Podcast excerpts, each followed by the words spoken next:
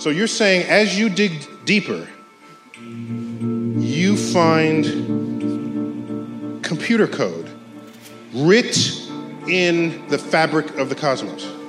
Into the equations that we want to use to describe the cosmos, yes. Computer code. Computer code, strings of bits of ones and zeros. It's not just sort of resembles computer code, you're saying it is computer code. It's not even just is computer code, it's a special kind of computer code that was invented by a scientist named Claude Shannon in the 1940s. So, so are you saying we are all just, there's some entity that programmed the universe and we're just expressions of their code? Idag, mina vänner, ska vi ner i kaninhålet. Det du precis hörde, det var astrofysikern Neil deGrasse Tyson som pratade med James Gates, som är teoretisk fysiker. När jag berättade för min fru Elin om ämnet för den här podden så var hennes spontana kommentar Gör det inte. Hon sa det med omtanke om mig och om det som man skulle kunna kalla för mitt varumärke. När jag berättade för Patrik, alltså Patrik som förut var med i Monkey Mindset, så var hans första spontana reaktion att det här avsnittet, det måste jag lyssna på. Dagens podd handlar om två saker. Dels placebo, om hur kraftfullt det här oförklarliga fenomenet är, där det verkar som att, åtminstone i vissa fall, om att vi tror någonting är sant, så blir det sant. Men det var inte det som skrämde Elin eller gjorde Patrik upprymd, utan jag kommer också att diskutera huruvida det är sannolikt eller ej att det vi tror är verkligheten i själva verket är en simulering. Inte på ett filosofiskt plan och inte som en metafor eller liknelse, utan för att vara så tydlig som jag kan här, jag kommer alltså att ge dig några argument för att du och jag är karaktärer i ett dataspel och att det vi ser, hör, upplever, känner och tänker inte är någonting annat än kod. Datakod. Att vi är i The Matrix. Och om det är så, hur det förklarar väldigt mycket om det vi ännu inte förstår och som verkar oförklarligt. Bland annat då placeboeffekten. Och det här är förstås inte någonting som jag själv har hittat på, utan en teori som jag skulle vilja säga fler och fler ansluter sig till. Filosofer, matematiker, fysiker, kosmologer och andra. Och vissa, till exempel Elon Musk, som ju bland annat har varit med och grundat Tesla och som väl skulle kunna sägas vara en av de största entreprenörerna och visionärerna just nu. Han har sagt att han anser att sannolikheten för att vi inte är en simulering är en på miljarden. Men först då placeboeffekten. Placeboeffekten, om jag ska förklara den för den som inte vet, det är ett fenomen som innebär att någonting som inte har någon egentlig mening, till exempel ett sockerpiller som ser ut som ett läkemedel, kan ge samma effekt på dig som läkemedlet skulle ha gjort, så länge du tror att det är läkemedlet du får. Och den här effekten är väldigt stark och den är bevisad i många studier. Placeboeffekten den är svår att förhålla sig till. För trots att den är verklig, möjlig att bevisa, så skulle det vara oetiskt för en läkare till exempel att använda den i sin praktik. Att lura dig att du får någonting som du inte får och sen hoppas att placeboeffekten ska kicka in. Så trots att den är verklig och trots att den är stark så är den svår att använda sig av i praktiken. Så inom vilka områden kan då den här effekten ses? Ja, inom alla områden egentligen. För länge sedan, i en av de första poddarna som jag gjorde, så berättade jag ju om styrkelyftare som trodde att de blev dopade. Och då höjde sina personbästa mycket mer än kontrollgruppen, som inte trodde att de blev dopade. Ingen av de här grupperna blev dopade i verkligheten och när dopinggruppen fick reda på sanningen, att de egentligen inte var dopade, föll de tillbaka till sina gamla odopade nivåer igen. Så hela förändringen som skedde där skedde för att de här försökspersonerna trodde att de var dopade. Och när de inte längre trodde det så försvann effekten. De blev starkare alltså, av att tro att de skulle bli starkare. Och de blev svagare igen när den här tron försvann. Det har också gjorts experiment med hjärnkirurgi på Parkinsons patienter. Där låtsades man operera på hjärnan. Man borrade ett hål i kraniet, precis som man skulle gjort om man opererade. Och då låtsades man bland annat att injicera stamceller i hjärnan. Och de här patienterna visade förbättringar i sina Parkinsons symptom. Och det är ju otroligt i sig. Men hittills så har du bara hört hälften av det experimentet. För det visade sig att de som hade fått placebokirurgi då utfört på hjärnan och trodde att de hade fått riktig kirurgi och injektioner av stamceller.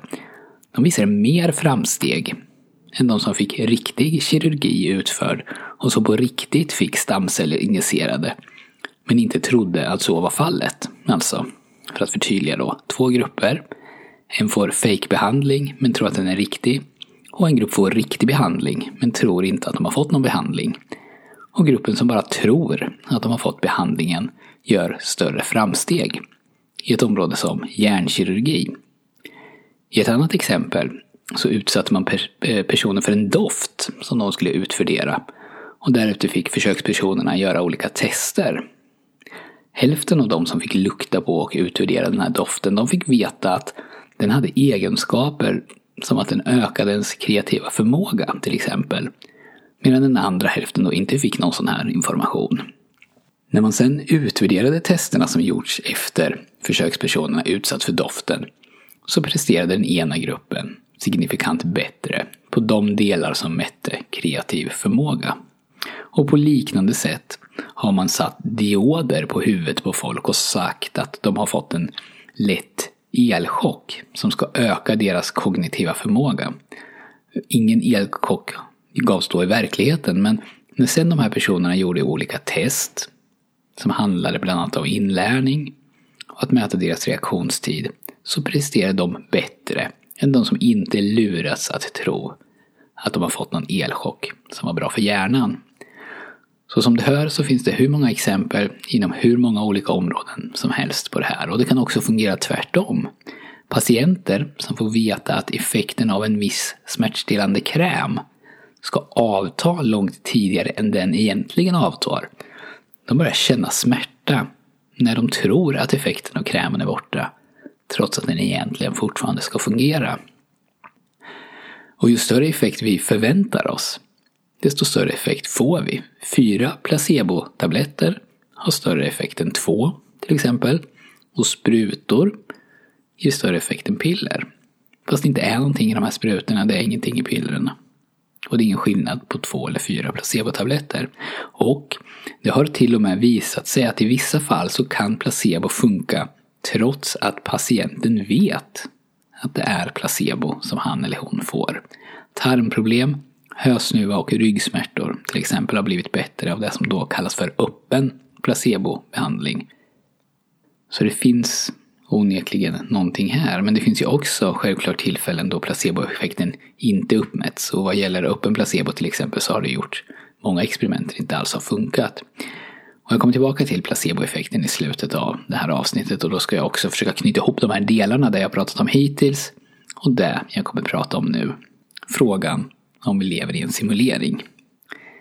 Nick Boström, han är professor i filosofi på Oxford i England. Han är född i Sverige och han har nog blivit mest känd för sina resonemang kring artificiell intelligens och mänsklighetens sårbar sårbarhet inför den. Och jag skulle vilja säga att Nick Boström, han är en stjärna i den här världen, forskarvärlden.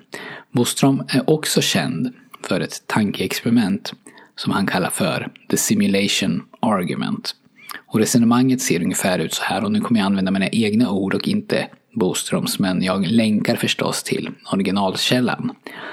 Av följande tre scenarior så måste minst ett vara sant. Scenario nummer ett.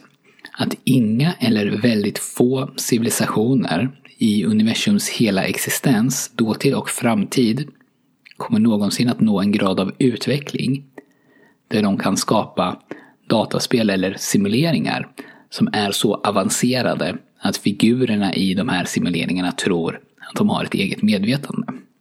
Det kommer aldrig någonsin att hända. Scenario nummer två.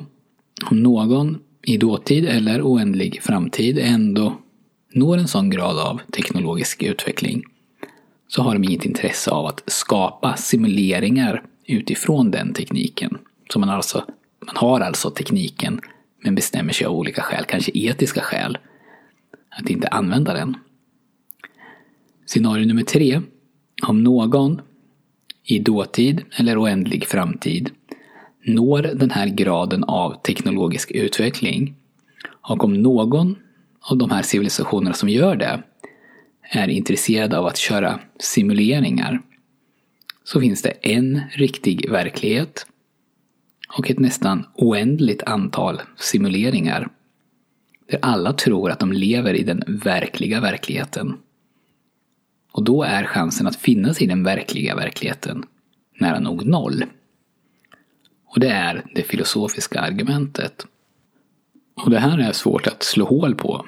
Om man tänker på hur till exempel datorspel har utvecklats de senaste 10-20 åren ska man fundera på hur det ser ut om den här utvecklingen sker i 10 000 år till.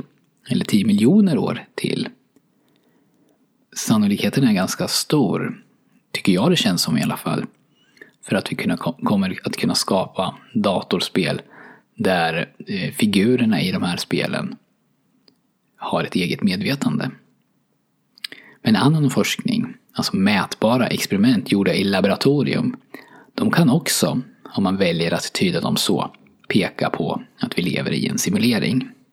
Och jag länkar mer i anteckningar till det här avsnittet till den som är intresserad av att veta mer. Men två av de mest intressanta fenomenen det är det som händer när man utför någonting som kallas för ett double slit experiment och någonting som kallas för quantum entanglement.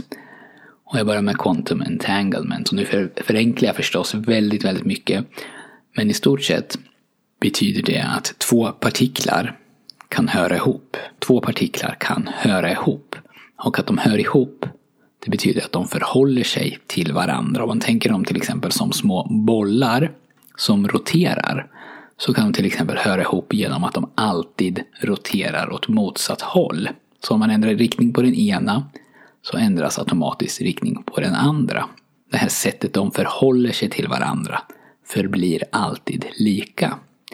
Så om en foton till exempel spinner motsols och en spinner medsols och jag byter håll på rotationen på en av dem då byter den andra fotonen också håll, trots att jag inte har rört den. Och så funkar, funkar quantum entanglement på riktigt. Och det här händer inte bara om de här partiklarna befinner sig bredvid varann. Utan det händer även om de är separerade. Och de kan befinna sig på olika hörn av universum till och med. Och de kan till och med vara separerade av både rum och tid. Men när en ändras så ändras också den andra omedelbart. Om man ser på världen så som vi ser det så är det här förstås helt oförklarligt, trots att det är sant. Men om man ser på världen som ett dataspel då är det här inga konstigheter alls. Då är det bara att koda att de här två partiklarna hör ihop och att om en av dem ändrar sig så ska den andra också ändra sig. De kan vara separerade har både tid och rum i spelet, men det som sker i spelet är ju bara det som någon har kodat ska ske. Om koden säger att två saker hör ihop spelar det ingen roll hur långt ifrån varandra de är i spelet. The Double Slit Experiment är ett experiment som är så otroligt att jag drar mig för att berätta om det, för du kommer inte att tro mig.